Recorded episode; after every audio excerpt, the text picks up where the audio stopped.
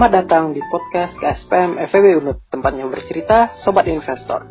Flashback lagi setelah kita kemarin sempat membahas tentang apa itu pasar modal, terus dijelasin juga kenapa sih perlu investasi jadi ini, dan podcast yang masih hangat-hangatnya kemarin. Ada pembahasan uang yang bekerja untuk kita atau sebaliknya. Nah, di podcast kita kali ini akan berbeda pastinya karena yang dibahas akan semakin dikerucutkan nih.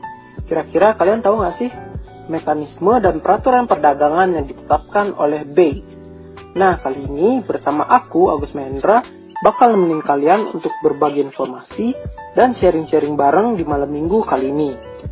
Memasuki dunia pasar modal, tentunya kita perlu tahu nih, bagaimana proses ataupun prosedur saat jual beli efek dan surat berharga.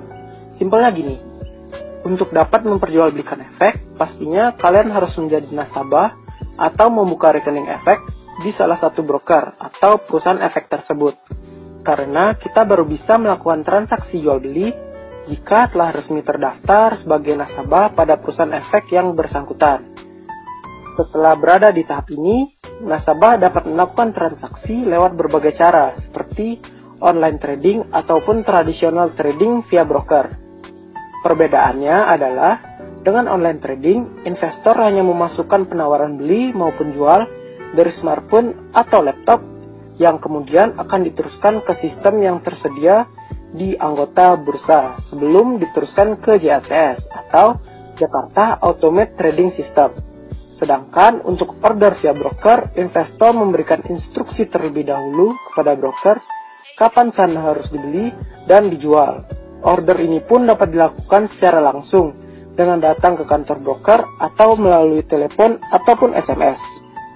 Setelah investor melakukan order baik secara online maupun tradisional trading, setiap order yang masuk akan dilakukan verifikasi dan validasi melalui sistem dari anggota bursa tersebut di kantor masing-masing anggota bursa.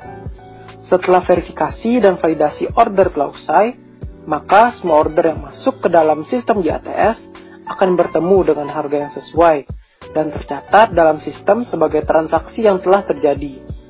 Selanjutnya, petugas kantor broker menyampaikan informasi kepada investor bahwa order yang disampaikan telah terpenuhi.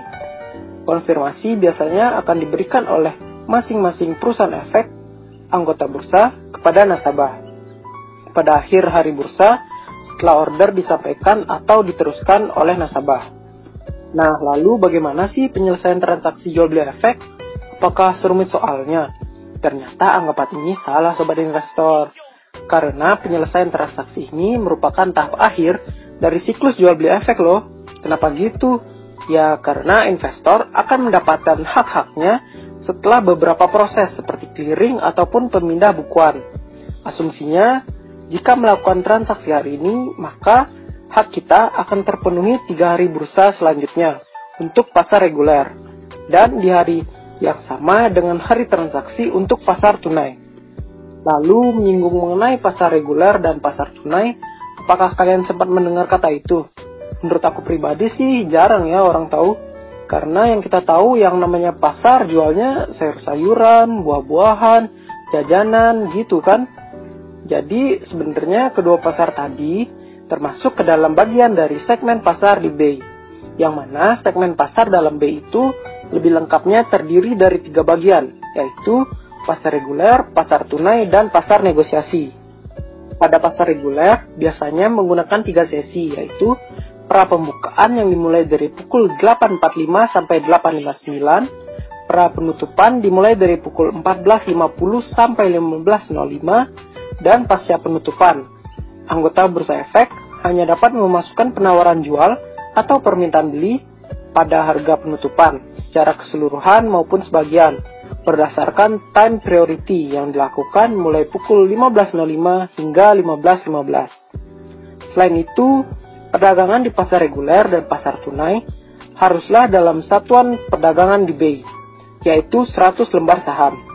Dan perlu kita ketahui juga bahwa perdagangan di pasar negosiasi tidak menggunakan satuan perdagangan atau tidak round lot.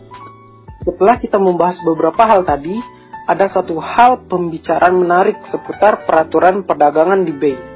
Apa kalian tahu satuan perubahan harga atau fraksi sesuai peraturan 2A Cat 00023 garis miring B garis miring 4 2016 itu seperti apa ya? Hal sederhana, kita saat ini bisa menjabarkan terlebih dahulu mengenai fraksi harga, yang mana merupakan batasan harga atau kelipatan harga yang diperbolehkan dalam melakukan transaksi jual beli saham. Nah, kita juga bisa mengetahui kalau aturan fraksi harga yang terbaru itu terbagi menjadi empat fraksi harga, yaitu untuk kelompok harga 200 hingga kurang dari 500, fraksi harganya 2 hingga maksimum 20. Untuk kelompok harga 500 hingga kurang dari 2000, fraksi harganya 5, maksimum 50. Lalu untuk kelompok harga 2000, kurang dari 5000, fraksi harganya 10 hingga maksimum 100. Dan terakhir, untuk kelompok harga lebih dari 5000, fraksi harganya 25 hingga maksimum 250. Nah, contohnya, apabila saham perusahaan X saat ini berada pada rentang harga 200 hingga 500, artinya fraksi harga sahamnya 2 hingga 20.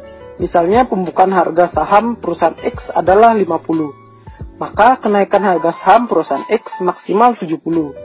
Jenjang maksimum perubahan harga dapat dilakukan sepanjang tidak melampaui batasan persentase auto rejection atau batasan minimum dan maksimum suatu kenaikan dan penurunan harga saham dalam satu hari perdagangan bursa. Oh iya nih sobat investor, setiap anggota bursa itu wajib membayar biaya transaksi kepada bursa, KPI dan KSEI yang dihitung berdasarkan nilai per transaksi anggota bursa dan dibayarkan ke bursa sebagai wajib pungut sesuai dengan ketentuan yang berlaku.